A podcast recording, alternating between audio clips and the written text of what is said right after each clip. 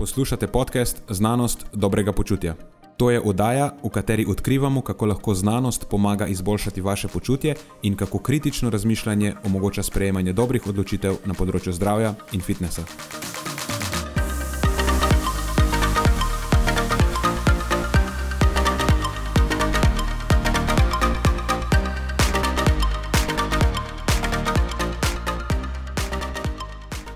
Pozdravljeni, z vami smo Nenad in moj sovoditelj Matjaš. Glavni temi tokratne epizode sta najprej vse, kar je važno vedeti o uporabnosti nekaloričnih sladil pri uravnavanju apetita in telesne mase, ter njihovemu vplivu na presnovni profil, predvsem na ravni krvnega sladkorja in inzulina.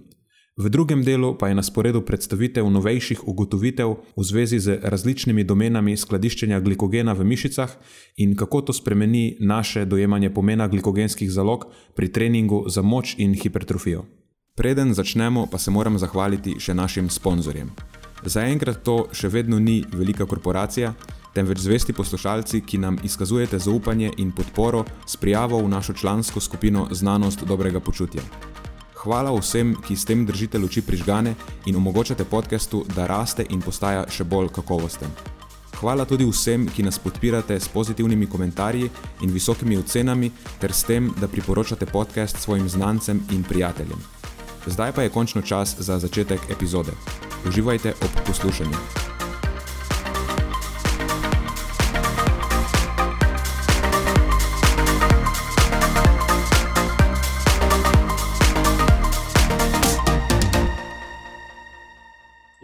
Ja, ja, ja. vsakič jih zamenjaš, vsakič me presenetiš na čem novem. Odkril sem en nov bend, ki v bistvu ni nov, star bend, je, ampak mi je zelo všeč. Tak nek metalcore varianta. Zelo so spremenjali. Najstarejši album je 2-7 ali nekaj takega. Mislim, eden... da, bi ta, da bi ta podcast lahko imel tako glasbeno komponento. Glasbeno komponento. Mogoče. Vsakič otvorila s tem, pa veš. Se mi zdi, da bi mogla, eh, ali pa vsaj malo predstaviti. Nisem prepričan. Nisem prepričan, koliko mainstream je moj glasbeni izbor. Um, jaz sem prepričan, da ni to mainstream. uh, ja. V glavnem priporočam je Jack, Jack of Diamonds, je naslov komada Sonic Syndicate. Se mi zdi, ja. da ta e, refren je moja življenjska zgodba. A refren sem jaz zdaj poslušal. Ja, referenci poslušaj. Ja. Oziroma, nekje tam okay. blizu refrena si vletel noter. Ja, pravi, living in a house of cards, ne? hoping for the best, plan for the worst. Dobro, nisem bil tako pozoren na samo besedilo. Besedilo mi je všeč sicer. Slišal se zelo razigrano. Kaj se je? Ja. Dobro opisuje tvoje življenje. ja. torej, to je bila rubrika, kako bo rekla temu, glasbeni izbor. Glasbeni izbor, ja. Um, Čakaj, bom še malo razmislil. Zihar je kaj boljšega. Eurovision, nekaj na to moramo nabirati iz, iz, izbrovanje iz tega. Feel good vision. Mava precej enih rubrik, pa vse imajo za nič imena. To je nekako potrebno, potrebno servisirati. Zdaj ugotovila sva, da se mojim filozofiranjem lahko reče na pravi strani variance. E, to mi je všeč, to moš malo bolj razložiti, še preostalim. Bom, ja, bom, bom dodelal to razlago, ja, pa da bom malo tako bolj strnjena, da bo bolj uh mhm. -huh. kratko in jedrnato, da ne zapravim zdaj 15 minut za to razlago. Mogoče pa lahko vseeno probam, čist na hitro. Probi, why not?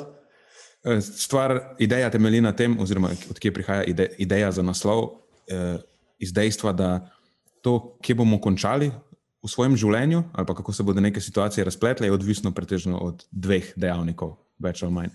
Od sreče, ki je super pomembna in vpliva na vse, in od kakovosti naših odločitev. In sreča ti bo v življenju prinesla slabe in dobre stvari, in če potem je kakovost tvojih odločitev taka, ne, če si se dosti premišljen in vse to, kar spada zraven k sprejemanju dobrih odločitev.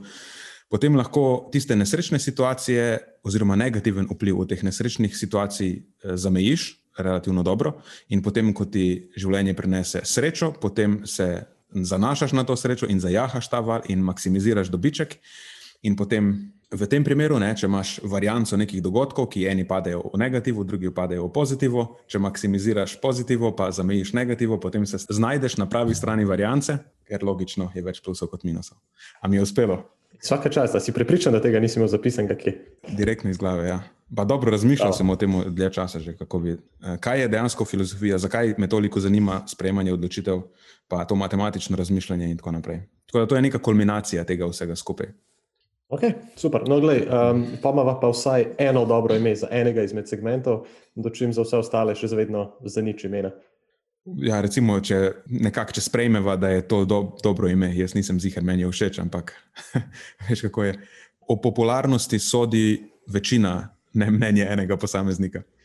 Strenjam, no, nam boste vi, poslušalci, potem povedali. Jaz moram pa s tabo deliti eno zelo pomembno novico. Nenad. Tako malo je za šalo, ampak malo je pa tudi za res. Pa to, je, to je pa lahko ne, ime neke druge rubrike, oziroma to bi lahko bilo ime celega tega podcasta. malo za šalo, malo za res. Ja. Pazi to, danes sem prvič po, nisem pripričan, koliko časa, ampak vsaj desetih letih, da nisem bil primoran iti odtočiti sred noči. Wow. Uh, in danes gledam na svet čisto drugače, moram ti reči, ker sem ostal, je bilo kar drugačne to, barve so na nebu. To boš, eh, po mojem, boš moral malo postaviti v tekst, uh, definitivno. Ja, mogo boš malo postaviti eh, v kontekst. Drugače, Matjaš ima tak mini problem eh, nokturije, se temu reče. Dobro, da si rekel mini problem, ker najbolj se nanaša na moj mini mehur, veliko z želodca, kot bi jaz rekel, predvidevam vsaj. No? Ja. In mislim, da res eh, vsaj v zadnjih desetih letih, kar to malo bolj spremljam, no? ampak predvidevam, da tudi dlje časa, kot to sem bil primoran na stranišče, ja, vsaj dvakrat, trikrat na noč. Uh, ampak Se pa to v zadnjem času precej izboljšalo, ne samo od sebe, ampak tako proaktivno. Uh, upeljal sem namreč eh, nekaj takih strategij noter, tako da mogoče peščica, če se srečuje s tem problemom, pa to dejansko posluša. Uh, meni, kar je zelo pomagalo, je omejitev vnos tekočine in to v obdobju, seveda, večjih ur, preden grem spat, uh, idealno nekih 4-5 ur, če bi se le dalo. In pa moj zadnji obrok v dnevu uh, je dokaj slan, malo več soli vključim notri, iz vidika nekega zdrževanja vode, to je zagotovo tudi zelo pomagalo. Predvidevam, da kar nekih 3-4% mojega dnevnega vnosa soli pride ravno na račun tega zadnjega obroka.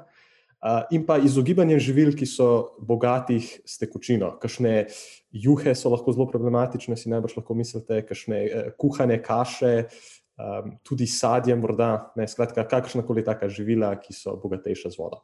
In iskreno sem postajal vedno boljši, pod narekovajem tem, zdaj pa se mi je enkrat celo tako po, ne, po nesreči zgodilo, to, da pač ni bilo treba. sem res kar presrečen. Sem. Jaz mislim, da je to, da si zdaj začel eno zelo pomembno debato. Ki zdaj, ko reče nekdo, da okay, pač zvečer moramo stati, pa iti na vece, se mu to zdi tako, ok, pa kaj potem.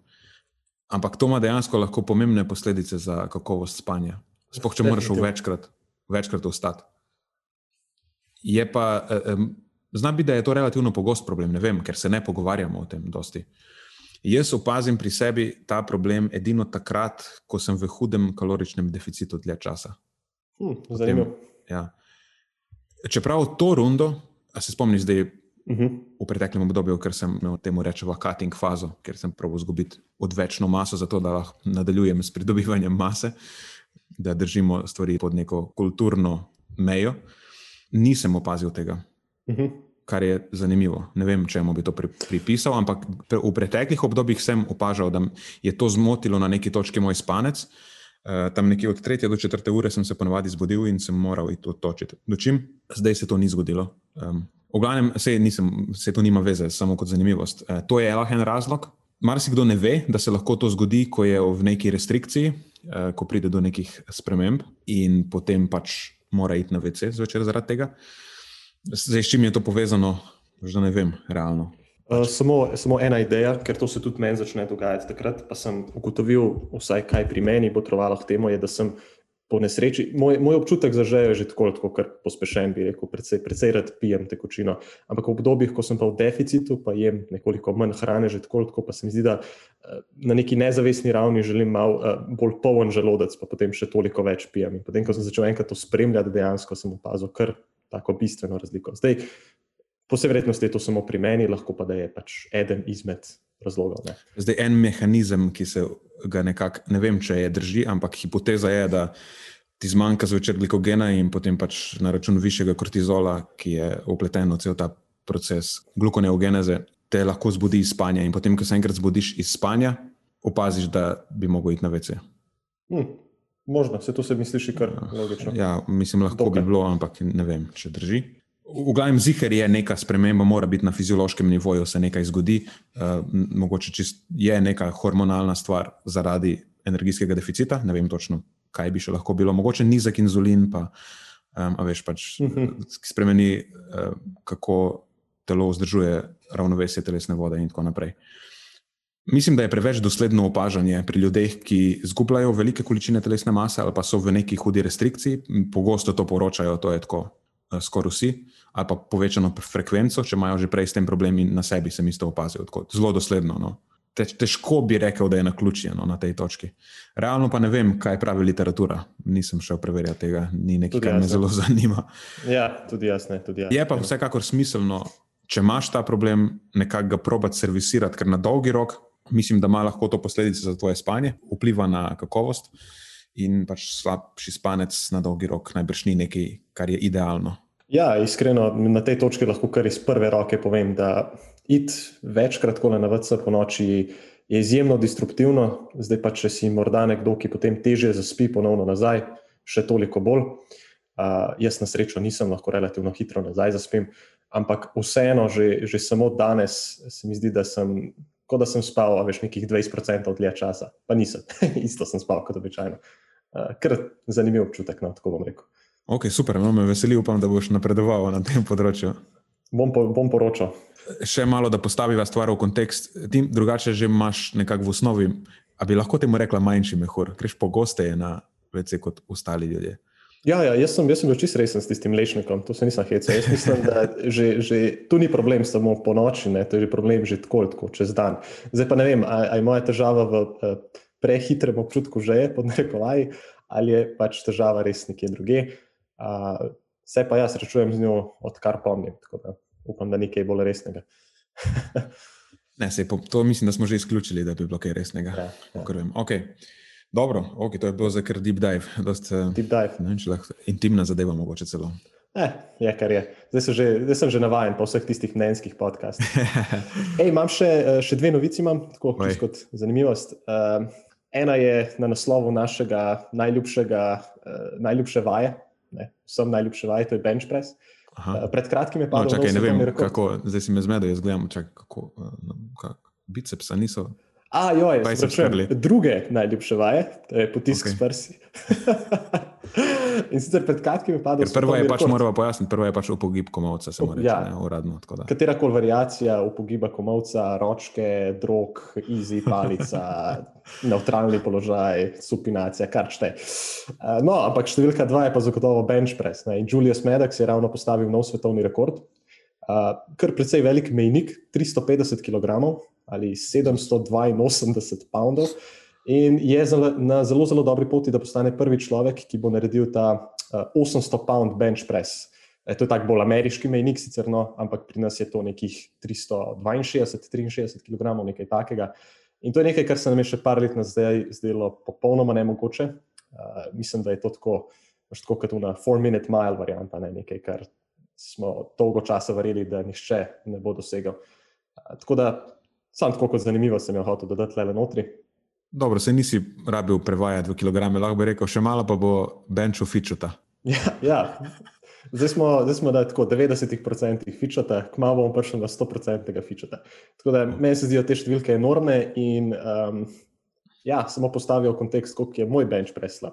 Uh, ja, ne bomo o tem se pogovarjali. Ja, rajre, rajre, eno so čiste intimne težave, ampak o tem pa ne bomo govorili. Gre, gre pa predaleč. ja. Gre pa predaleč, najle intimne težave. Uh, okay. Še zadnja stvar, mogoče v tem vodu, sem pa sam želel povedati, da imamo trenutno uh, pri Filgudu ogromno enih seminarjev, pa webinarjev, če bi se čajno koga zanimalo. Nenad je pred kratkim odlično odpredaval uh, eno zadevo vezano na prehrano, vadbo in stres. To je bilo v okviru tega, teh uh, serije seminarjev oziroma webinarjev za Fitness Zvezo Slovenije.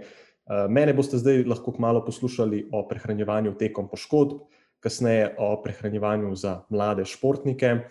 Uh, potem tudi na tem kongresu uh, od spoznaj prehrane bom predaval o svojih dveh najljubših dopolnilih, betalanin in pa nitratih.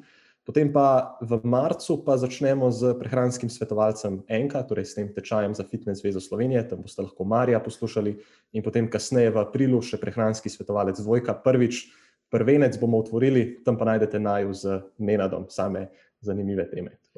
Pozabil si še nekaj.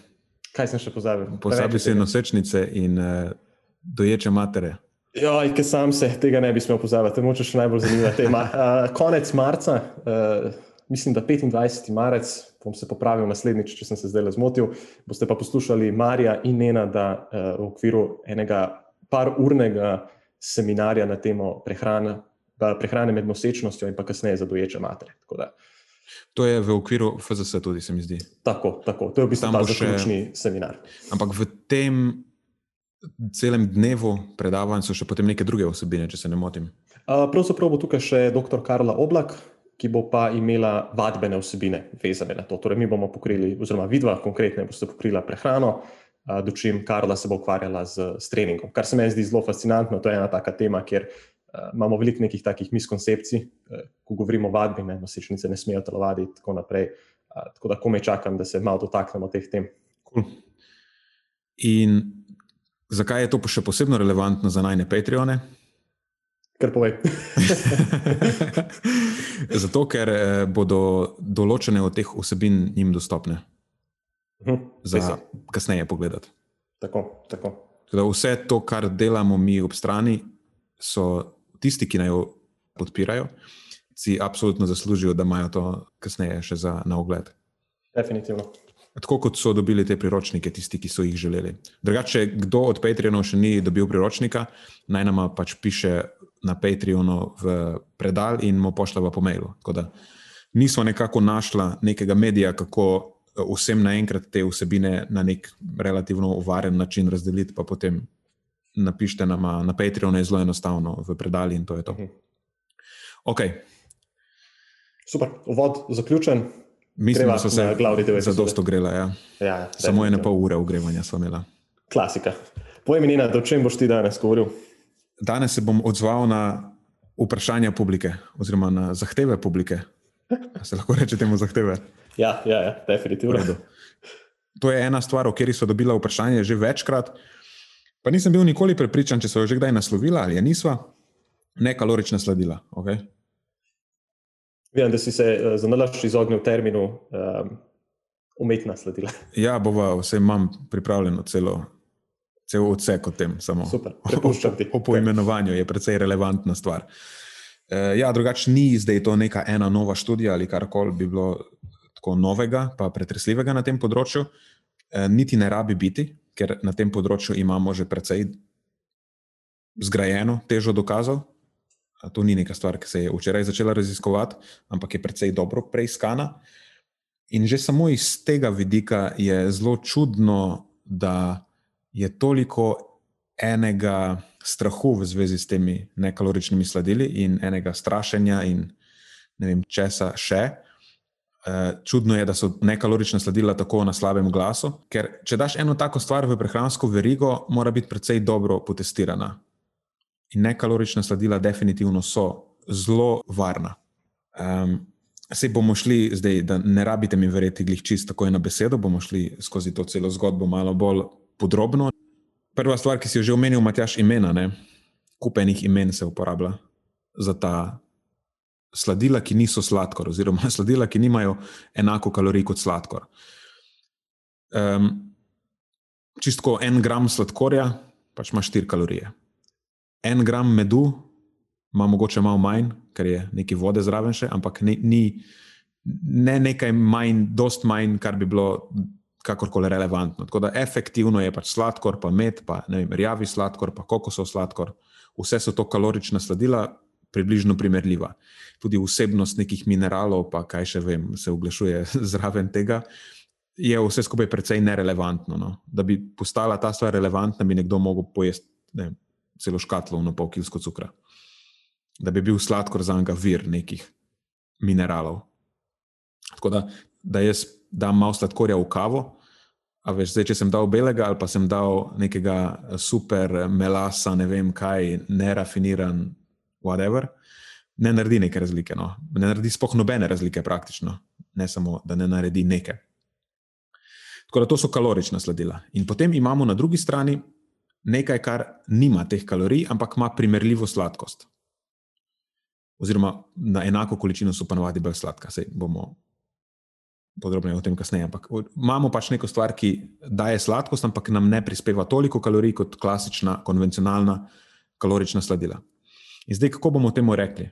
Uporablja se ime umetna sladila. Um, ko nekdo reče umetna sladila, vse ljudje dejansko sploh ne vejo, kaj vse spada v to kategorijo, pa bomo zdaj mogoče malo to razdelali. Pa tudi še ena stvar je, kaj sploh umetno to pomeni.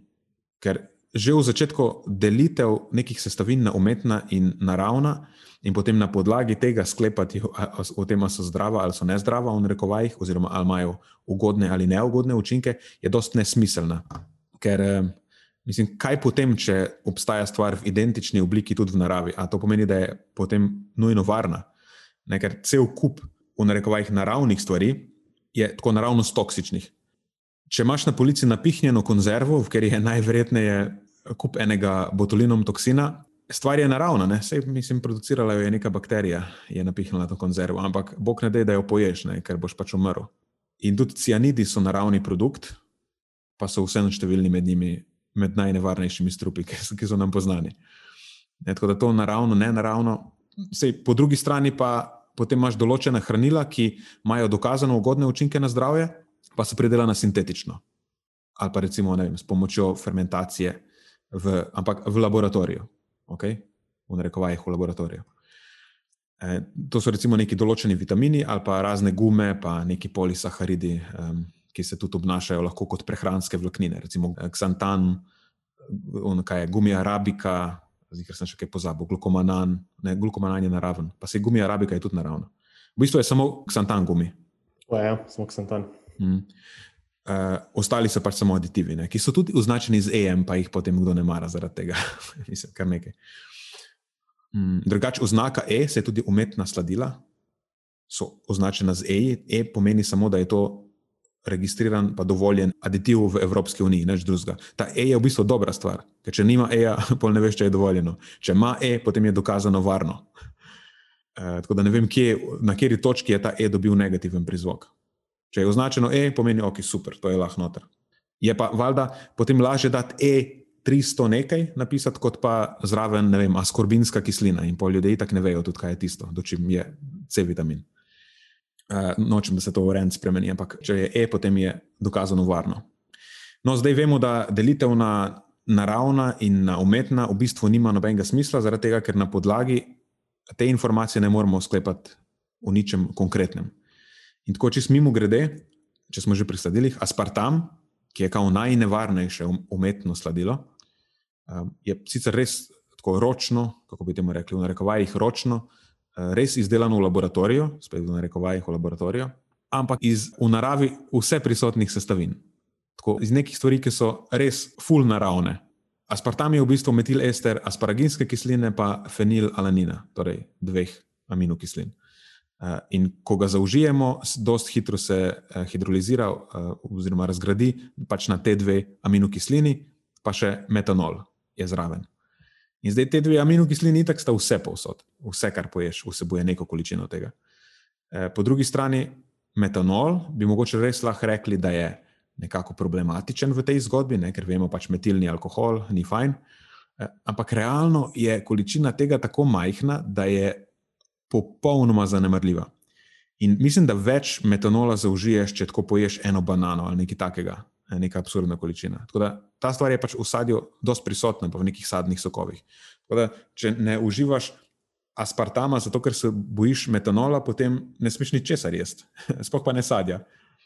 Tako da pač dosti brez veze je eh, sploh zgubljati čas v tem aspartamu. Tudi testiranje v takih ogromnih količinah na živalih, da bi človek mogel popiti toliko nekalorične pijače, sladkane z aspartamom, da bi prej bi umrl od akutne zastrupitve z vodo, kot od, od tega aspartama. Tako dobesedno bi se utopil sam sebe, preden bi ti s tekočino, ne preden bi ti aspartam škodil. In res, kakorkoli obrneš, je najbolj varno, dokazano varno, se ne da so druga nevarna, ampak aspartam je samo full, full varen. V glavnem, ta izraz umetno je, po moje, je pač izgrešen. No. Ga ne bi ga več uporabljal od te točke dalje. Potem je še en izraz, ki sem uporabljal, sicer ne dosti pogosto, ampak sem ga tudi že zasledil, je nenutritivna. Torej, to so neka sladila, ki nimajo hranilne vrednosti, če prevedemo tako dosto po domače to. Ampak, ok, Meni osebno je pa najbolj všeč poimenovanje nekalorična. Se mi zdi, da jih to najbolj točno opiše. Oziroma, manj kalorična bi jim lahko rekli, če bi želeli zajeti še druga nekonvencionalna sladila, kot so sladkorni alkoholi, eh, ker imajo sladkorni alkoholi pač v primerjavi s konvencionalnimi sladili samo znižano energijsko vrednost. Ne, še zmeraj imajo nekaj kalorij, ampak predvsej manj eh, od sladkorja, spet odvisno od vrste. Ampak um, sladkorni alkoholi so neka precej drugačna stvar. Uh, rečemo, da so čist druga vrsta sestavina, sestavine, mogoče lahko celo rečemo, da so druga skupina živil, ne vem. Pač imajo drugačne lastnosti in jih bo izključila iz nadaljne debate, ker so neka pač druga stvar. Lahko se jih enkrat dotaknemo v prihodnosti, ampak bo, tukaj bomo govorili o nekaloričnih sladilih. Uh, to so sladila, ki bodi si niso prebavljiva ali pa jih zaužijemo v tako majhni količini, da je njihov prispevek popolnoma zanemrljiv. In ta sladila so aspartam, acesulfam kali, to je acesulfam K označen, ciklamat, saharin, sukraloza, pa stevija. To je to. Je pa potrebno opozoriti, da še zmeraj, kljub temu, da smo jih zapakirali v eno relativno homogeno skupino, še zmeraj gre za zelo različne snovi, ki imajo drugačno kemično strukturo, pa se razlikujejo tako po lastnostih, kot tudi po učinkih, ki jih imajo. Prva stvar, v kateri se močno razlikujejo, je že sama sladkost in kako so obstojni pri višji temperaturi. In če primerjamo dve najpogostejši sladili, sta to aspartam in sukraloza, obe dve sta zelo varni, dokazano. Je aspartam je recimo 200 krat slajši od saharoze. Zdaj, če bi dali en gram saharoze, oziroma namiznega sladkorja, po domače, cukra, navadnega belega, bi ista količina aspartama en gram je kot 200 gramov sladkorja. Okay? In potem imaš sukralozo, ki je, eh, spoh ne vem koliko slajša, ampak mislim, da nekih 300 ali 600, nek, nekaj takega. Ne vem, še slajša. Ne? Če daš en gram sukraloze, je kot da si dal vem, 300 ali 600 gramov sladkorja. Nekaj takega, mogoče celo še več, nisem prepričan. V glavnem, izjemno sladka stvar. In tudi aspartam, prej smo rekli, da je sestavljen iz dveh aminokislin, ki očitno imata neko hranilno vrednost oziroma neko energijsko vrednost.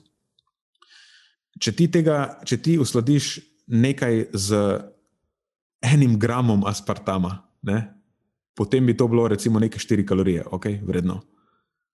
Mogoče še malo manj, ali pa malo več na račun metanola, se nima veze. Ampak veš, kaj je to, je potem 200 gramov sladkorja, kaj si s tem usladil, koliko boš tega pojedel. Ne? te štiri kalorije so potem čist eh, zanemrljive. Po drugi strani pa imaš še sukralozo, ki pa je neprebavljiva. Tako da tega pa v bistvu, kolikor koli daš, je samo nedostopno, tako da nima energijske vrednosti nobene. To je mogoče čisto tehnično, kako se te stvari razlikujejo. Zdaj, lahko se razlikujejo vpli, po vplivih, ki jih imajo downstream. Aspartam se zelo hitro razgradi, pa absorbira v zgornjem delu prebavil, sukraloza pa potem pač potuje skozi cel prebavni trakt, ker je neprebavljiva. Ne? In uh, potem, recimo, na podlagi tega lahko bi sklepali o nekem mehanizmu, da glede na to, da potuje v spodnji del prebavil, lahko tam pride v interakcijo z človeško mikrobioto in bi to lahko imelo neke učinke na mikrobioto. Tudi tega se bova dotaknila. Ogane, potrebno je vedeti, ne, o čem se pogovarjamo, pa kakšne učinke to ima, da lahko bi to malo uh, razčlenili, pa da lahko sploh že na začetku mogoče lahko neke stvari zavržemo. Ne? Ker če mi nekdo reče, da ja, uživanje aspartama bo imelo velik učinek na človeško mikrobioto, ga ko malo čudno pogledamo, okay, uh, kako točno, kje pride v stik. Okay. Zdaj pa končno lahko gremo na uh, dejanske učinke, oziroma na vsa ta svarila in trditve v zvezi z nekaloričnimi sledili, ali veljajo ali ne veljajo. Praktično vsa temeljijo na nekih živalskih modelih, pa celičnih kulturah. To da so v raziskavi dali mišim nekaj za jesti ali pa za pit, ali pa še bolj to, da so imeli neke izolirane celične kulture v nekem gojišču in so potem jih zalivali z nečim, to je absolutno nerelevantno za ljudi. Tega tega ne moremo ekstrapolirati. Lahko sicer predpostavljamo neke stvari, ampak moramo iti preveriti, kako potem te stvari pri ljudeh funkcionirajo. Druga stvar je, da tudi če pri ljudeh neko stvar preverjamo in dobimo neke ugotovitve. En tak klasičen primer je recimo raziskave s temi raznimi imaging tehnikami na možganih, ne, ki preverjajo, čisto domače povedano, kako se prižigajo neke regije možganov, ki so povezane z zaznavanjem okusa in eh, nagradnim sistemom in tako naprej v povezavi z navadnimi sladili, konvencionalnimi, kaloričnimi ali z nekaloričnimi, nam ne povejo nič, kako bo to vplivalo na naše zdravje, ali pa na to, kako bo to vplivalo na naš apetit, energijski vnos in tako naprej. In če nekdo v zaključku nekega članka napiše, Ja, ugotovili smo, da obstajajo neke kvalitativne razlike v tem, kako se odzivajo naši možgani na eno ali pa na drugo sladilo ampak nismo preverjali, kako to vpliva na naš energijski vnos in na neke druge izide, je to dost nerelevanten podatek. Je sicer fajn za raziskovalce, ki lahko potem na podlagi teh ugotovitev zasnujejo neke druge raziskave, ki pa bodo dejansko ugotavljale, kako to vpliva na izide. Ampak drugače pa neuporabno. Je pa seveda, jaz razumem, da je privlačen novinarjem, ki potem reče: O, gledajte, pokazali so to, pa spremeni, kako naši možgani se odzivajo na nekalorične sladila, ful neki drugače, to je pa zdaj uh, vpliva na naše možgane. In čim dobimo občutek, da nekaj manipulira z našimi možgani, je to že takoj narobe. E, ampak ne vemo, če je, najbrž nino. E, sploh bomo videli kasneje, ko bomo šla čez dejanske raziskave, ki jih imamo, kako vpliva uživanje nekaloričnih sladil na outcome um, ni nič kaj zavideti. No. Še ena pomembna stvar je, kar se tiče mikrobiote. Uh, tudi če pride do nekih sprememb v mikrobioti, to še ne pomeni nujno nič. Spremembe niso vedno slabe, Sam, spremembe so pač samo spremembe. Ampak imam en cel odsek pripravljen o tem, kasneje bomo šli lepo po vrsti. Um, okay. Je pa res, da imamo eno povezavo pri ljudeh na populacijskem nivoju. Ne? Dietne pijače so povezane s povišano telesno maso, pa z debelostjo, eh, kar je sej, skoraj eno pa isto, in nekimi določenimi stanji, ki so posledica debelosti. Ampak to je pač samo povezava. Spet, povezava še ne pomeni vzročnosti. Eh, lahko da je obratna povezava. In imamo cel kup dokazov, ki pravijo, da je v tem primeru najbrž res obratna povezava.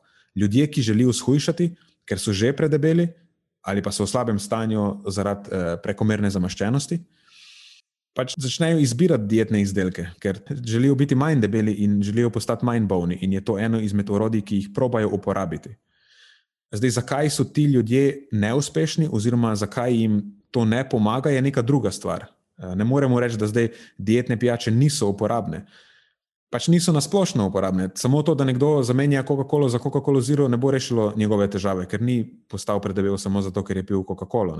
Ja, lahko je to en zelo pomemben dejavnik, ampak najbrž ni edina stvar. Ne, ne moremo ukriviti sladkih pijač za epidemijo debelosti. Mislim, je, debelost je dosti kompleksen problem, to bi bilo smešno. In če zdaj jaz dam to sladkano pijačo ven, ja, ja, lahko jo pokompenziram z nečim drugim, sploh če nimam dobro razvitih prehranskih navad, pa, ali pa so slabe na nek način, ali pa tudi moj življenjski slog na splošno je tak, ki mi pač eh, onemogoča izgubo telesne mase, ne? ne glede na to, kakšne pijače jaz pijem. In to se ponavadi zgodi. Ne? Nekalorična sladila sama po sebi najbrž ne bodo omejila energijskega vnosa.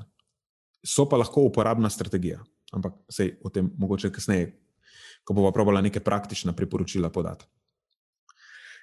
No, zdaj pa, če pogledamo res, kaj pravijo nadzorovane klinične raziskave na ljudeh. To so pač raziskave, ki so nadzirale vse ostale moteče ali pa zavojajoče dejavnike. Ne? In imamo prva stvar, je apetit. Ljudje rečejo, da če piješ pijače ali pa če ješ neka živila, ki so sladkana z nekaloričnimi sladili, da potem tvoje telo nekako pričakuje, da mora priti zdaj sladkor in um, neka taka karikatura je predstavljena da zdaj tvoje telo si pa želi sladkega zaradi tega, da ima to sposobnost predvidevanja in boš pač pojedel več pri naslednjem obroku. Um, zdaj, kot zgodba je to spet privlačno, ker se nam zdi smiselno, pa vsaj nekako neko logiko ima. Samo težava je, da se to ne zgodi ne, v praksi, v resnici. Zdaj, imamo eno svežo metaanalizo, Li in sodelavci. 2021, par tednov je stara in gre za 116 primerjav, ki je vključenih v metaanalizo, kjer so se ukvarjali s, tem, s temi preloadi pred obrokom. Pomeni, da so dali ljudem pred obrokom pit ali sladkano pijačo z konvencionalnim sladilom, ali sladkano z nekaloričnim sladilom, ali pa so jim dali pit vodo in potem so spremljali razlike. Ne. In so pač ugotovili, da z nekaloričnimi sladili sladkan prilov ne poveča kaloričnega vnosa pri obroku in je dost primerljiv z vodo. Torej, če daš nekomu pit vodo ali pa nekalorično sladilo pred obrokom, oziroma pijačo z nekaloričnim sladilom pred obrokom, bo učinek približno enak. Dočim, če daš nekomu piti pijačo z sladkano, z kaloričnim, konvencionalnim sladilom, sladkorjem, neko sladko pijačo, bo pri naslednjem obroku sicer res pojedel manj, ker je že jedel efektivno, ker ta pijača je bila tudi hrana. Ampak, če sešteješ to pijačo, pa če sešteješ obrok, bo ta pijača, ki jo je spil prej, nepopolno kompenzirana in bo skupaj pojedel več. Na tem področju imamo kar nekaj no, dokazov, da ima pitje pijače z nekaloričnim sladilom podoben učinek na energijski vnos pri sledečem obroku kot pitje navadne vode.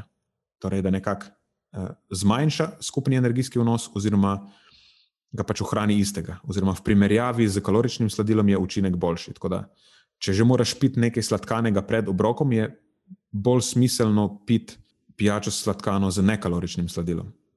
In potem iz tega lahko gremo kar naprej na nadzorovanje telesne mase, ne? ker pač to, koliko je spojem pri obrokih, je direktno od tega odvisno, kakšna bo moja telesna masa na, na daljše obdobje.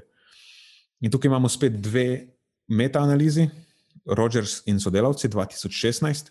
V bistvu sta dve, združeni v en članek, se mi zdi.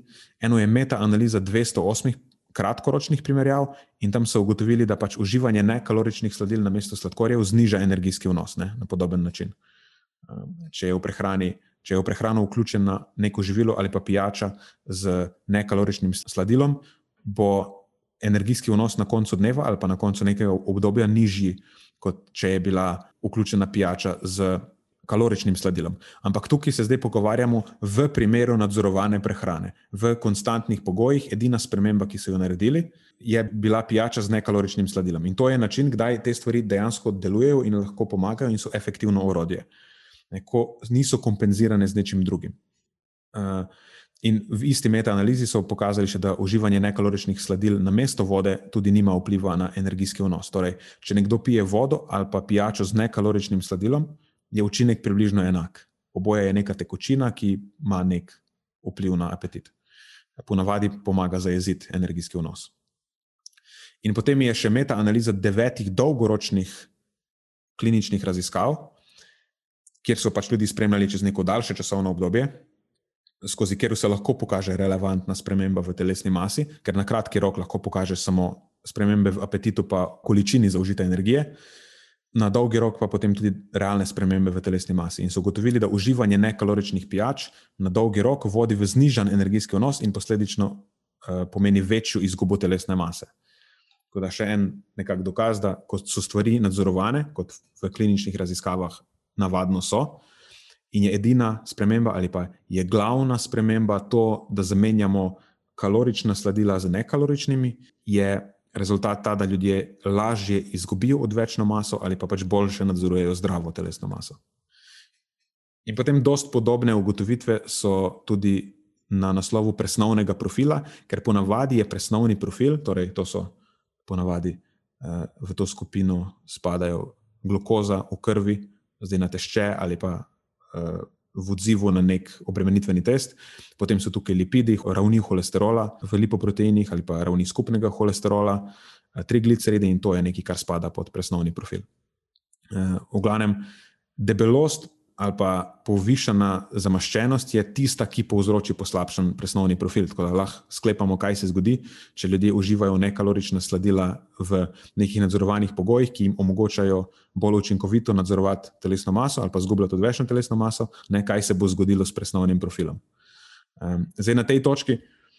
Včasih se res pojavi vmes kakšna, eh, da jim rečemo v narekovajih, nenavadna raziskava, ki ugotavlja neke, spet v narekovajih, čudne glikemične odzive, to je v obroku po intervenciji.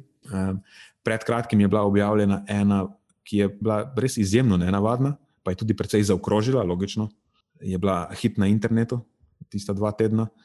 V glavnem, bila je objavljena v Cell Metabolism in je sprožila velik preplah, ker je v eni bilo je več tudi zajetih pod eno, bile so tako bolj pilotske. v, glavnem, v enem segmentu so ugotovili izjemno povišene ravni inzulina in so kar prekinili zadevo. Um, ampak ta raziskava ni nekaj, kar bi bilo navadno v tej vrsti literature. Je tako zelo odstopala od vseh ostalih ugotovitev. Ne, tako da to je prva stvar. Zdaj, v luči celotne teže dokazov, samo ena raziskava še ne pomeni nič. Nima smisla zagnati preplaha, zato ker ena stvar kaže nekaj drugega kot 20 drugih. Okay? Pač to je, če gledamo tako čisto probabilistično na to stvar, nekakšna je verjetnost, da ima ena prav, pa se jih 20 moti. Zelo majhna. E, in potem še drugo je to, da so pred kratkim dejansko reanalizirali podatke, in e, slika ni ni takšna, očitno, kot so originalni avtori to želeli pokazati. Ne bom sicer sodil, meni je zadosto, da je ena proti večjemu številu. Dejansko nisem šel spoh rea, tega, teh reanaliziranih podatkov brati, pa preverjati, ker se mi zdi pač nepomembno. Ampak to je to. No. Um, Drugač imamo pa na tem področju tudi težo dokazov, ki jo povzemajo številne metaanalize. Ena je Nicole Hall in Ann 2018, ki je metaanaliza 29 randomiziranih kliničnih raziskav in pač oni ugotavljajo, da uživanje nekaloričnih sladil ne zviša ravni krvnega sladkorja in nima negativnega vpliva na sposobnost nadzorovanja krvnega sladkorja po obroku. Tako da to je to, pač nima. Potem so Santos in sodelavci 2017, ki je metaanaliza devetih kliničnih raziskav, ki so preverjali, so tako bolj nasplošno markerje presnovnega profila, več njih, ne samo krvni sladkor, in so ugotovili podobno, da uživanje nekaloričnih sladil nima bistvenega vpliva na krvni sladkor, inzulin, vrednosti holesterola ali trigliceridov. In nekako njihov, to je citat, je, da dokazi ne podpirajo trditve o škodljivih učinkih uživanja nekaloričnih sladil na kazalce povezane z diabetesom in debelostjo. Da še ena metaanaliza, ki ugotavlja zelo podobno za širši nabor dejavnikov tveganja za debelost in diabetes. In eh, potem se pa lahko dotaknemo še eh, vplivov na črvesno mikrobiot. In dejansko tukaj nimamo nekih zelo robustnih dokazov, da bi lahko trdili karkoli, ker je ena stvar, celo področje mikrobiote je um, precej v povojih, in tudi samo nekaj člankov je objavljenih, ki so direktno potem merili spremembe v mikrobioti po zaužitju teh sladil. Plus, se to izhaja iz tega, da je celo področje v povojih, je to, da um, te spremembe v kompoziciji mikrobiote, ki so merjene, to je tako. No, to ni neka stvar, ki je tako zelo eksaktna. No. Uh, mislim, tudi kar se tiče teh metod, je kupenih nejasnosti. Zdaj, veš, mikrobiota ni neka stvar, ki jo ti lahko meriš samo na tem, kar pride ven. Ker imajo različni segmenti uh, črvesja, različno sestavo. Ne? Ni tako homogena stvar, ampak ima recimo uh, prvi del debelega črvesja drugačno sestavo kot on ta zadnji del debelega črvesja. In to, kar pride ven, je samo nekaj, kar pride ven. In dejansko je tudi znotraj tega potem kupene nejasnosti. Ne? Zdaj, tudi te metode, kako se to oduzema, pa je prišlo mogoče do neke kontaminacije vzorca, pa vse je to dosti neexaktno in lahko ne moramo nekih ful stvari sklepati. V glavnem imamo dejansko samo en pregled literature, niti ni sistematičen, se mi zdi, so lobah in sodelavci, in zaenkrat, kot kaže, ko oni povzemajo, ni prepričljivih dokazov o negativnih vplivih na črvesno mikrobioto. Um, Tako da to je nekako povzetek teže dokazov. Vse, kar je bilo strašljivega objavljenega na to temo, temelji na nekih zelo elementarnih raziskavah na celičnih kulturah, ki so ugotovile, da če imaš eh, v gojišču izolirano neko kulturo ali pa ne v narekavajih v eproveti in jo zaliješ z neko raztopino sladila, stvari umrejo. Ne? Mislim, zdaj to koga preseneča. Ne? kaj pa mislimo, da se bo zgodilo v, v, v tem primeru. Valjda, da jih vsaj delno uničiš. Seveda, potem to povzameš v zaključku, da ja, zalili smo jih sladilom in so umrle. In spet, zdaj kot novinarju to lahko zveni privlačno, ne? lahko precej senzacionalistično novico iz tega naredim.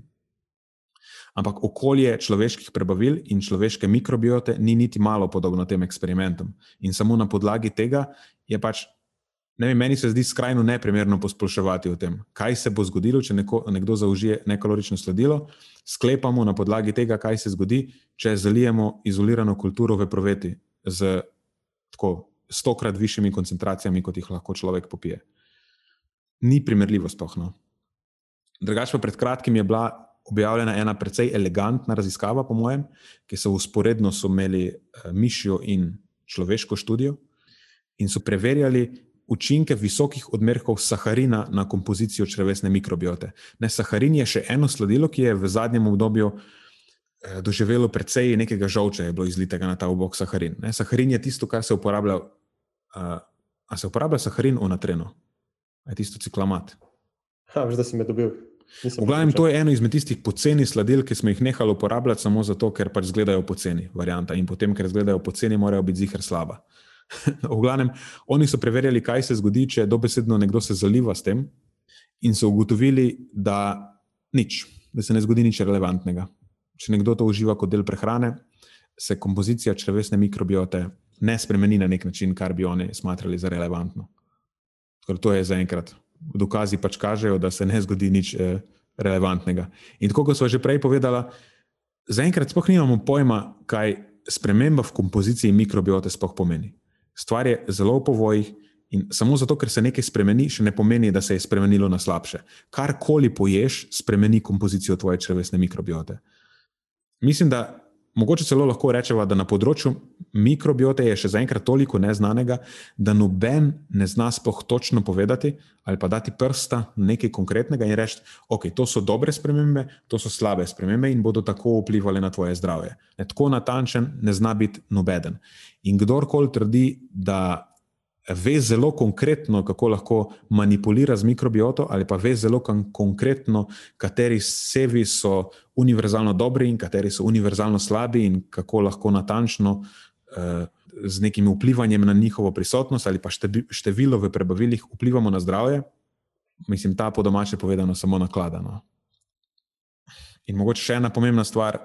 Zaenkrat vse kaže tudi, da prehrana pri vsem tem sploh ni super, duper najpomembnejša je pomembna, ampak čisto možno, da ima samo neko podporno vlogo. Eh, kompozicijo mikrobiote določa kupenih drugih dejavnikov, marsikeri med njimi so nespremenljivi, starost, spol, kako si se narodil, ne, kakšna je bila pot tvojega rojstva, um, a, si, a so te dojili, ko si bil majhen, a si prejemal antibiotike in neka druga zdravila, ko si bil star, ne vem, eno, dve, tri leta, takrat, ko se stvar še kalibrira, eh, kasneje je recimo manj problematično. Uh, vse to vpliva na to, kakšna bo kasneje tvoja mikrobiota na nek, na nek način, eh, kako bo nastavljena, in potem iz tega lahko samo malo v eno ali pa v drugo smer eh, premikaš. Ne, ne moreš je kar poseliti z nekimi neznanimi sevi. Tako bom vzel nek probiotik in bom zdaj drastično spremenil svojo mikrobioto. Ena pot sicer je pot te fekalne transplantacije, ne, ampak dvomim, da bo kdo počel to. Po domači povedano, to je. Um, vsebino črvesja nekoga drugega ti ustavijo v tvoje črvo. Sej ne rabim razlagati, kaj točno to pomeni, ne na bolj banalen način. Ne, ne, ker mislim, da bo cenzurirana potem od te točke dalje. ja. okay, da, po moje je to to, kar je nekdo mora vedeti v nekaloričnih sladilih. No? Dokazano so varna, lahko pomagajo uravnavati energijski vnos, je logično, ker pač ljudje si želimo sladkega, in če lahko dobimo sladko brez kalorij, bo to najbrž imelo tako učinek na naš skupni energijski vnos, da bo ta nižji, kot če se rabimo zanašati na kalorična sladila. To je seveda ob predpostavki, da je naša prehrana vseeno kontrolirana na ta način, da potem ne kompenziramo z nekimi drugimi živili. Recimo, če zdaj začnem sladiti, rečem, ok, se bom odrekel vsem kaloričnim sladilom in bom sladkal svoje tortice z ne, eh, nekaloričnimi sladili, varianta bom delal LCHF tortice in potem začnem uporabljati mascarpone, pa maslo dajem vse povsod, pa temna čokolada tam, pa ne vem, oreščki, pa veš. Ok, lahko da je zdaj moja prehrana še bolj kalorična, kot je bila prej. Ne, to ni nadzorovan pogoj, to je kar nekaj pol ali pa recimo začnem jesti nekalorične, neke ne vem, pudinge, manj kalorične, pa take stvari, in si potem mislim, da ja, se zdaj pa lahko malo čipsa zvečer, pa ne, se sem na eni strani zaezil, pa pol, pač pokompenziramo na drugi. Uh, se ne nujno, da je ta stvar namerno, tako lahko se zgodi čist. Na nekem nezavednem nivoju. Ljudje smo zelo dobri v tem, da znamo neudobno resnico prenesti v nezavedno.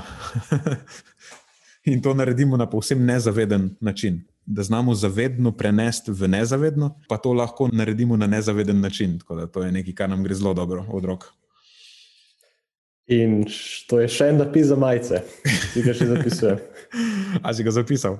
Si zapisujem, ja. Eh, zdaj imamo že kar nekaj teh zapisov. Zdaj imamo že praktično preveč idej. Mimo grede, eh, na tren, ko si spraševal, je, se ne vem, če je to pomembno, ampak je celo kombinacija ciklamata in saharina in v določenih situacijah tudi talmatina. Aha, ok. Um, torej, ja, lej, na tren lahko začnete uporabljati nazaj, ker je pač cenejši kot sukraloza. pa če smo čisti iskreni, sicer ne vem, če ti to opažaš, ampak sukraloza ima meni nek čuden priokus sploh ko je malo več v nečem. Dočim mislim, da saharin in ciklamat nimata takega priokusa, da so precej bolj podobna navadnemu sladkorju.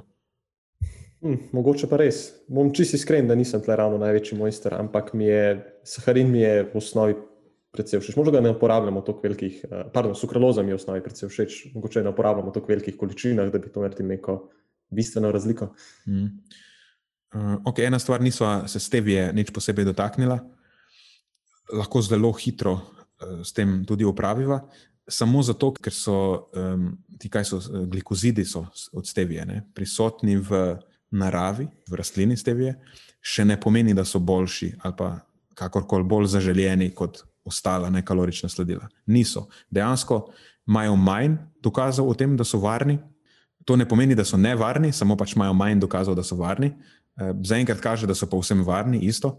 V bistvu so povezani celo z nekimi ugodnimi učinki tu in tam. Eh, sicer ne bi polagal nekih upov na to, ampak recimo, da mislim, da sem videl enkrat neko povezavo s tem, da lahko ugodno vplivajo na senzitivnost na inzulin ali nekaj takega. Eh, mislim, to je čistko hipotetično in to ni nekaj, kar je po moje kakorkoli relevantno. V glavnem, ni stevija boljša zaradi tega. Meni osebno, sicer ne moti me, da ima nek poseben priokus, ampak za vse povsod pa ni. Ker ima zelo značilen tak greni, mogoče lahko rečemo, ali nekaj takega. In recimo, ogrenke jedi ne moreš dati, kave ne moreš usladiti s tem, kakava ne moreš usladiti s tem. Lahko jo daš v mlečne izdelke um, in neke take stvari, se mi zdi, da je ok. Ampak spet, karkoli vam je pač všeč. Ni zdaj, da ja, je ena stvar bolj. Čista stvar preference v končni fazi. Tako. Uh, Torej, kaj še od praktičnih stvari moramo povedati? Ne? To, da pač vsa komercialno dostopna sladila, nekalorična sladila, uh, so dokazano varna in nimajo nekih škodljivih učinkov. Um, zdaj, v kontekstu uravnotežene prehrane so lahko koristno orodje za nadzorovanje telesne mase, uh, dokler so stvari kontrolirane do te mere, ali pa se zavedamo svojih potreb do te mere, da potem ne kompenziramo z nekimi drugimi stvarmi. Mogoče edino lahko še se dotaknemo te varne meje. Zdaj, v to vse velja, dokler jih uživamo pod neko določeno varno mejo, uh, ki je pokazano varna. Um, zdaj, ta varna meja, ki je določena, je določena zelo konzervativno.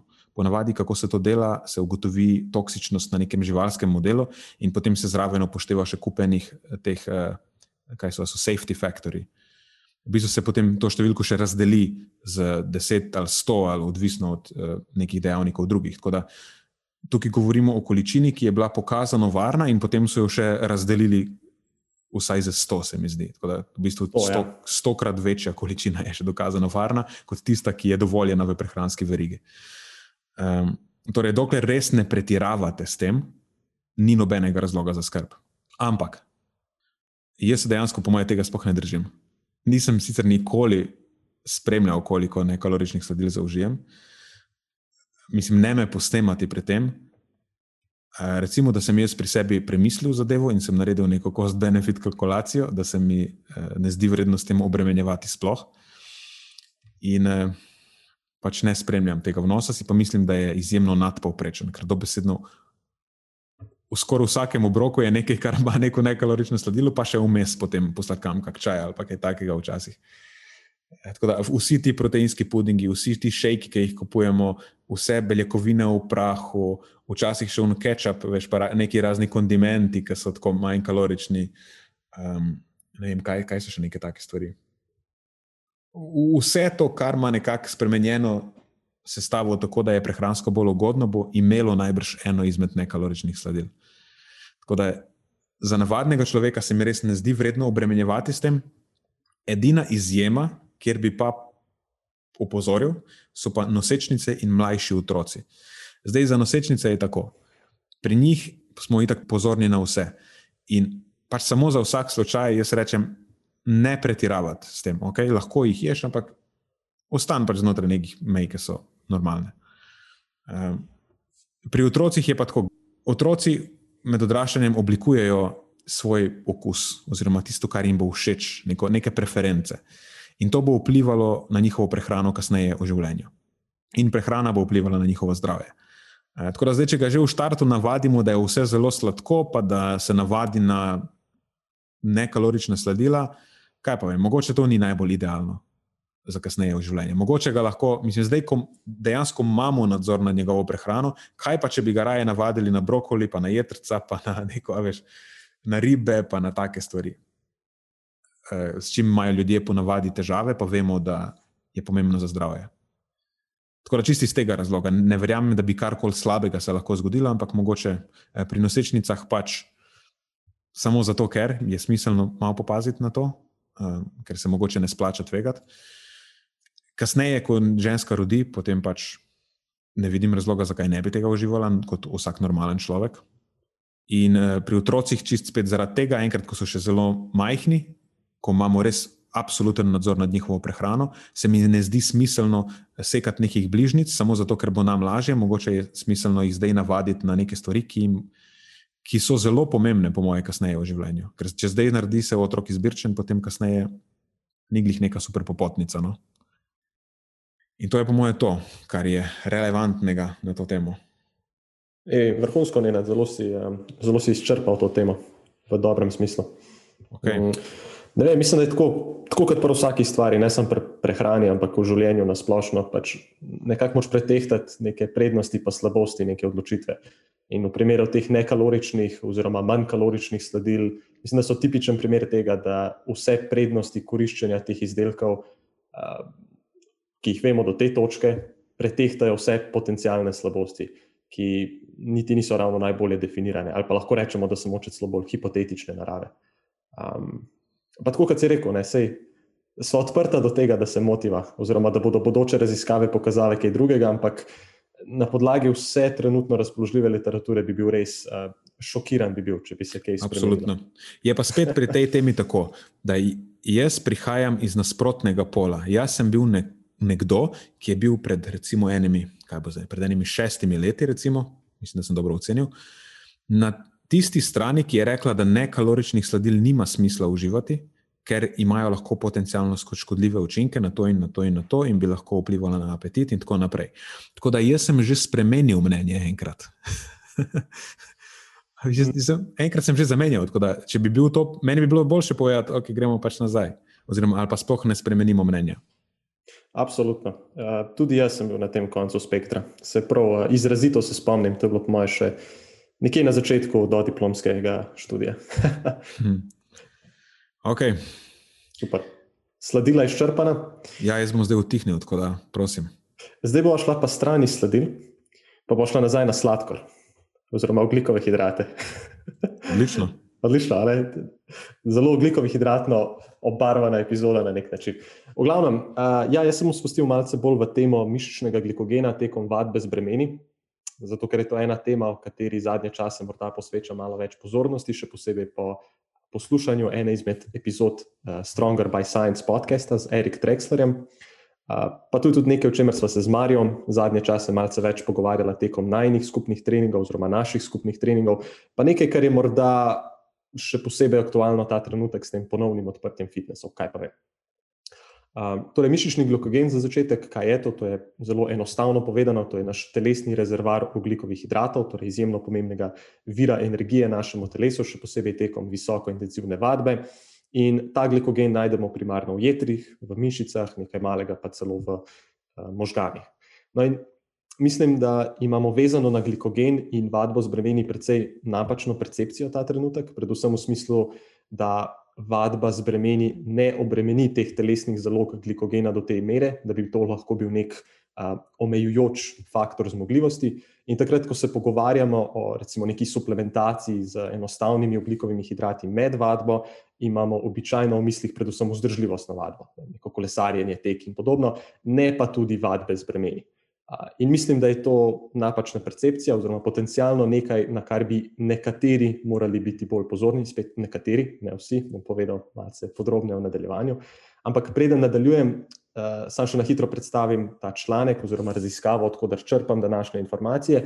In to je raziskava Hokena in sodelavcev, ki je bila izdana februarja letos, naslovljena uh, subcellular localization and fiber type dependent utilization of muscle glycogen during heavy resistance exercise in elite power and Olympic weightlifters.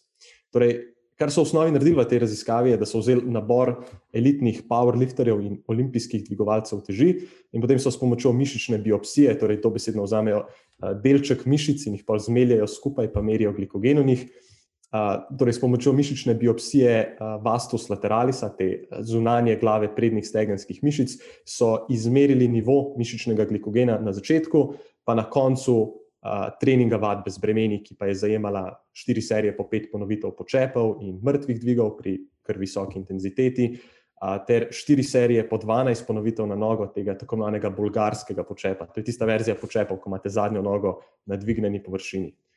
Oziroma vaja, ki meni osebno daje nočne more, zato ker je tako zahtevna. Skratka, dokaj zahteven trening, ampak precej reprezentativen trening za tako populacijo. Oziroma, zagotovo ne nekaj zelo posebnega za tako populacijo športnikov. In kar je ta raziskava še zelo, zelo dobro naredila, je to, da ni merila zgolj celokupnega mišičnega glikogena, ampak so dejansko preverjali, kako je ta trening z bremeni vplival na različne predele mišičnega glikogena. Ker Ja, mišični glukogen v bistvu ni ena uniformna stvar in poznamo več različnih eh, oblik oziroma domen tega lokaliziranega mišičnega glikogena, ki se nahaja v različnih predeljih naših skeletnih mišic. Imamo recimo intramiofibrilarni glikogen, ki se nahaja znotraj miofibril, imamo intermiofibrilarni glikogen, torej razlika intra-inter, potem imamo pa še glikogen, ki se nahaja tik pod sarkolemo. Sarkolema je ta celična membrana, ki obdaja celotno mišično celico. No, in razlog, zakaj je to pomembno, je to, da imamo sedaj raziskave in veliko izmed njih ravno izhaja iz tega Hoken laboratorija, ki so zelo a, prolifični na tem področju, a, ki kažejo, da različne oblike vadbe vplivajo na različno hitrost praznjenja posameznih teh domen glikogena. In prav tako vemo, da posamezne komponente glikogena nimajo enakega vpliva na zmogljivost. Ne. In recimo v tem kontekstu ta intramiofibrilarni glikogen naj bi bil v največji meri povezan z mišično močjo in pa proizvodnjo sile, ki jo ustvarjamo ravno med vadbo, kot je vadba z bremeni. No, in s tem v mislih, če se vrnemo nazaj na to raziskavo, originalno od Hokna, odkrili so približno 40-odstotno znižanje v celokupnem mišičnem glikogenu, v primerjavi pač pred in po tej vadbi torej, cirka 40 posto so izpraznili zaloge, in še nekih približno 60 odstotkov so jih imeli na zalogi. In to je tudi nekaj, kar lahko zasledimo pri drugih podobnih raziskavah na tem področju praznjenja zalog glikogena tekom vadbe z bremeni, ki običajno nanaša nekih 25 do 40 odstotkov. In zdaj, če vzamemo samo ta rezultat upoštev, bi se nam zdelo res dokaj nesmiselno, da bi se sploh ukvarjali z mišičnim glikogenom. Zakaj bi bil to omejujoč faktor zmogljivosti pri to vrstni vadbi, če imamo še vedno vsaj nekih 60 odstotkov glikogena na razpolago? Ne, če pomislimo recimo na avtomobil, če imamo še vedno 60% tanka polnega, zakaj bi zdaj mogli nujno ta trenutek iti tudi tankati? No, ampak kar nam ta Hokenova raziskava da še nek tak zelo pomemben vid v celotno zgodbo, je to, da lahko zasledimo veliko razliko med uh, izpraznjenjem posameznih teh domen oziroma regij glikogena. Torej, ja, povprečje je bilo 40 odstotkov, ampak pri tem smo pa lahko opazili praktično popolno izpraznjenje tega intra- miofibrilarnega glikogena pri mišičnih vlaken tipa 2. Skratka, ravno tistih vlaken, ki so najbolj pomembna za proizvodnjo moči in posledično najbolj pomembna za vadbo z bremeni. Torej, tudi če celokupni glikogen ni prazen, to še ne pomeni, da je tisti podnarekovaj pomembnejši del glikogena za to vrstno obliko vadbe dovolj poln, ker več kot očitno ni. Ne? In druga točka, ki jo potem lahko izpeljemo še, še ven iz tega, je to, da glikogen dejansko ne deluje kot gorivo v tanku avtomobila. Ne? To je ena taka prispodoba, ki jo sicer tudi mi zelo pogosto uporabljamo na coachingu in meni se zdi v bistvu zelo na mestu, oziroma je tako zelo elegantna, kot bi ne nadrekel. Ne, več, več kot pelješ avtomobila, pač več ga moraš tankati in podobno je recimo z ugljikovimi hidrati, več kot si fizično aktiven, več jih potrebuješ. Ampak tehnično gledano ni čisto korektno, tako da če zdaj že gremo v malo, bolj, malo večje podrobnosti, mogoče lahko to omenim. Ne vem, če bo komu to bilo koristno ali ne. Um, pri avtomobilu je tako, ne, da je dokaj enako se pelje, pa zdaj, če imamo 100% poln tank avtomobila, ali pa samo če je 15% poln. Ampak pri mišicah pa ni tako. In z, z tem, ko zaloge glikogena padejo, tudi eksponentno pada naša zmogljivost in performance. In recimo pri 90% ni, nismo uh, enako zmogljivi, kot smo pri recimo 20% polnega glikogena. Tako, čisto enostavno povedano, ali pa, ali pa tudi ne tako enostavno povedano.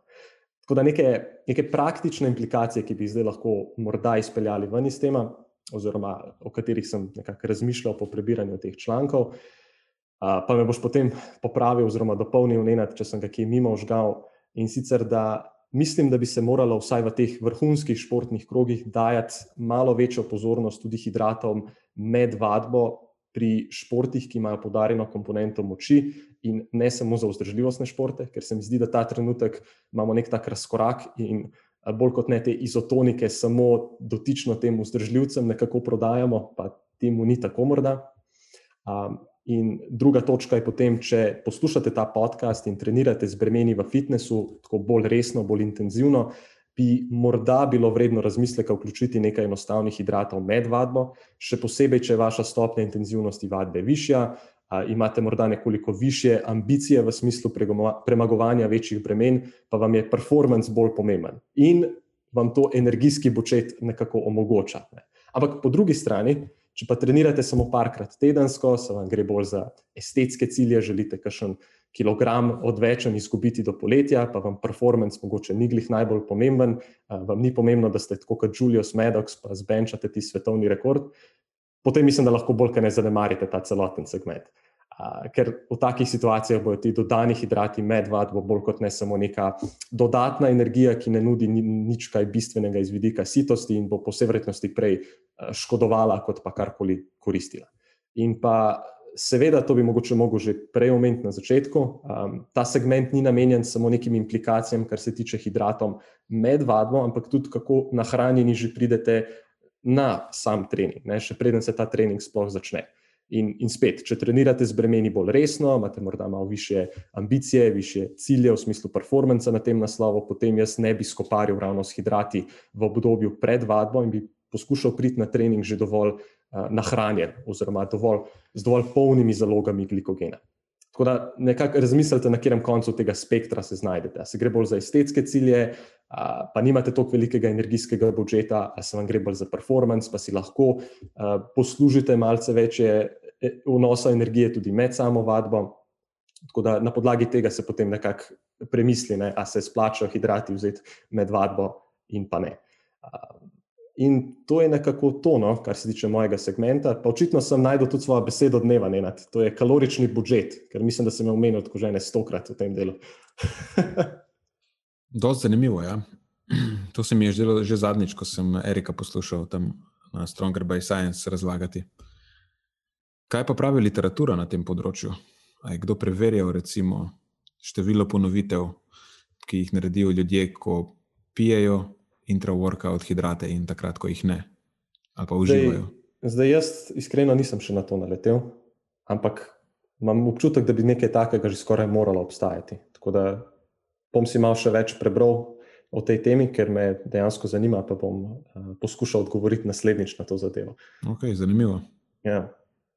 Tudi nimamo nekih uh, smernic, morda, kar se tiče tega, koliko teh hidratov bi zdaj bilo smiselno. Jaz lahko samo malo izpeljem zgodbo ven iz tistih klasičnih smernic, nekih 30 do 60 gramov na uro.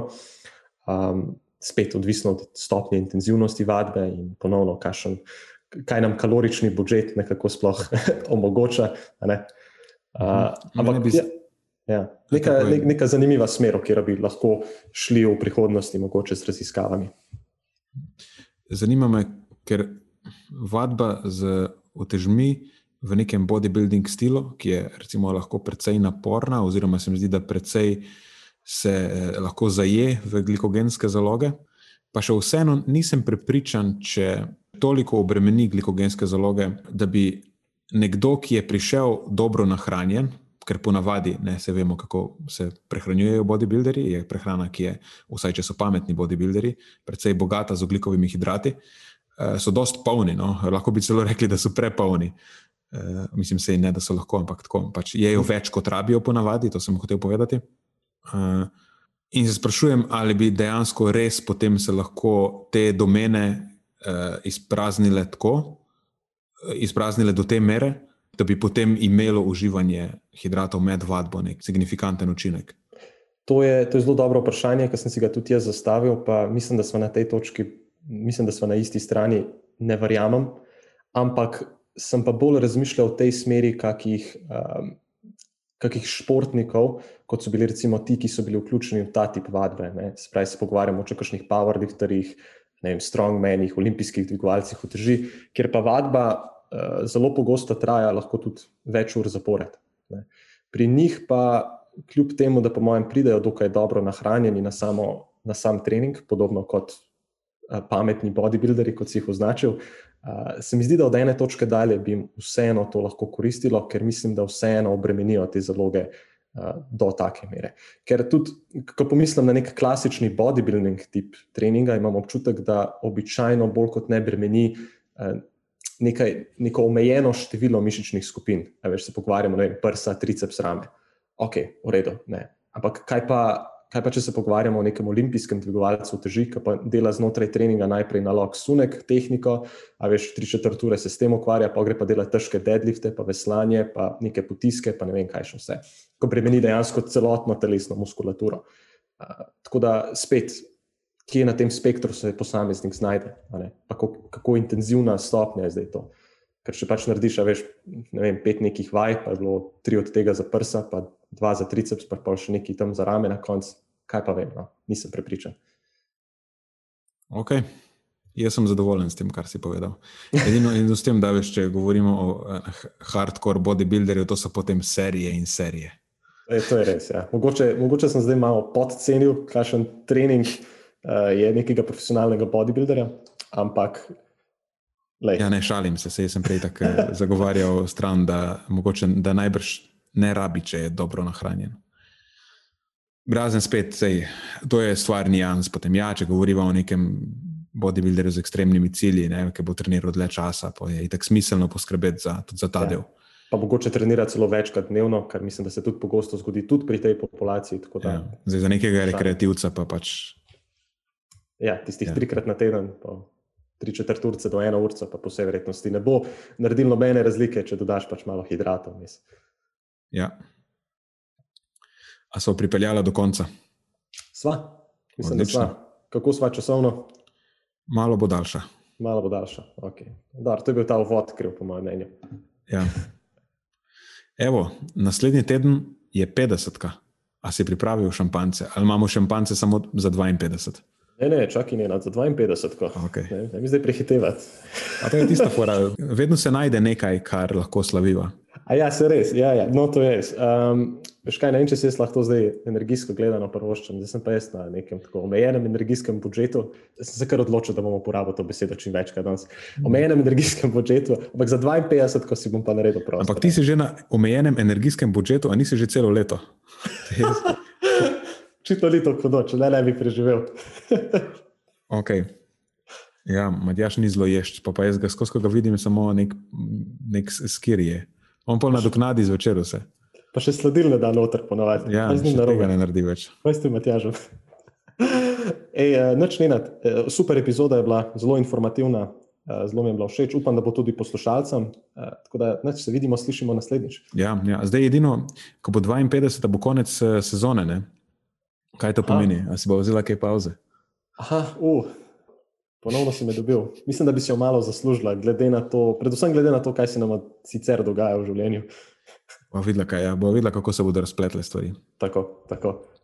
A, tako da, ja, zdaj, pa če pa imate poslušalci, kako mnenje o tem, si želite pauze ali pa ne, to je pa pol tudi lahko prispevate še svoj glas za to. Ej, neč, hvala, Matjaš, ja, tudi z moje strani bilo je spet zanimivo. In to je to, no, se slišimo prihodnič. To je za tokrat vse iz naše strani. Hvala, ker ste poslušali do konca.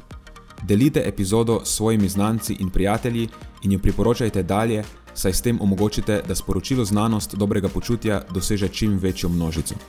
Hvala vsem, ki nas podpirate s članarino in tudi vsem ostalim, ki delite podcast dalje in nam izkazujete naklonjenost z visokimi ocenami in pozitivnimi komentarji.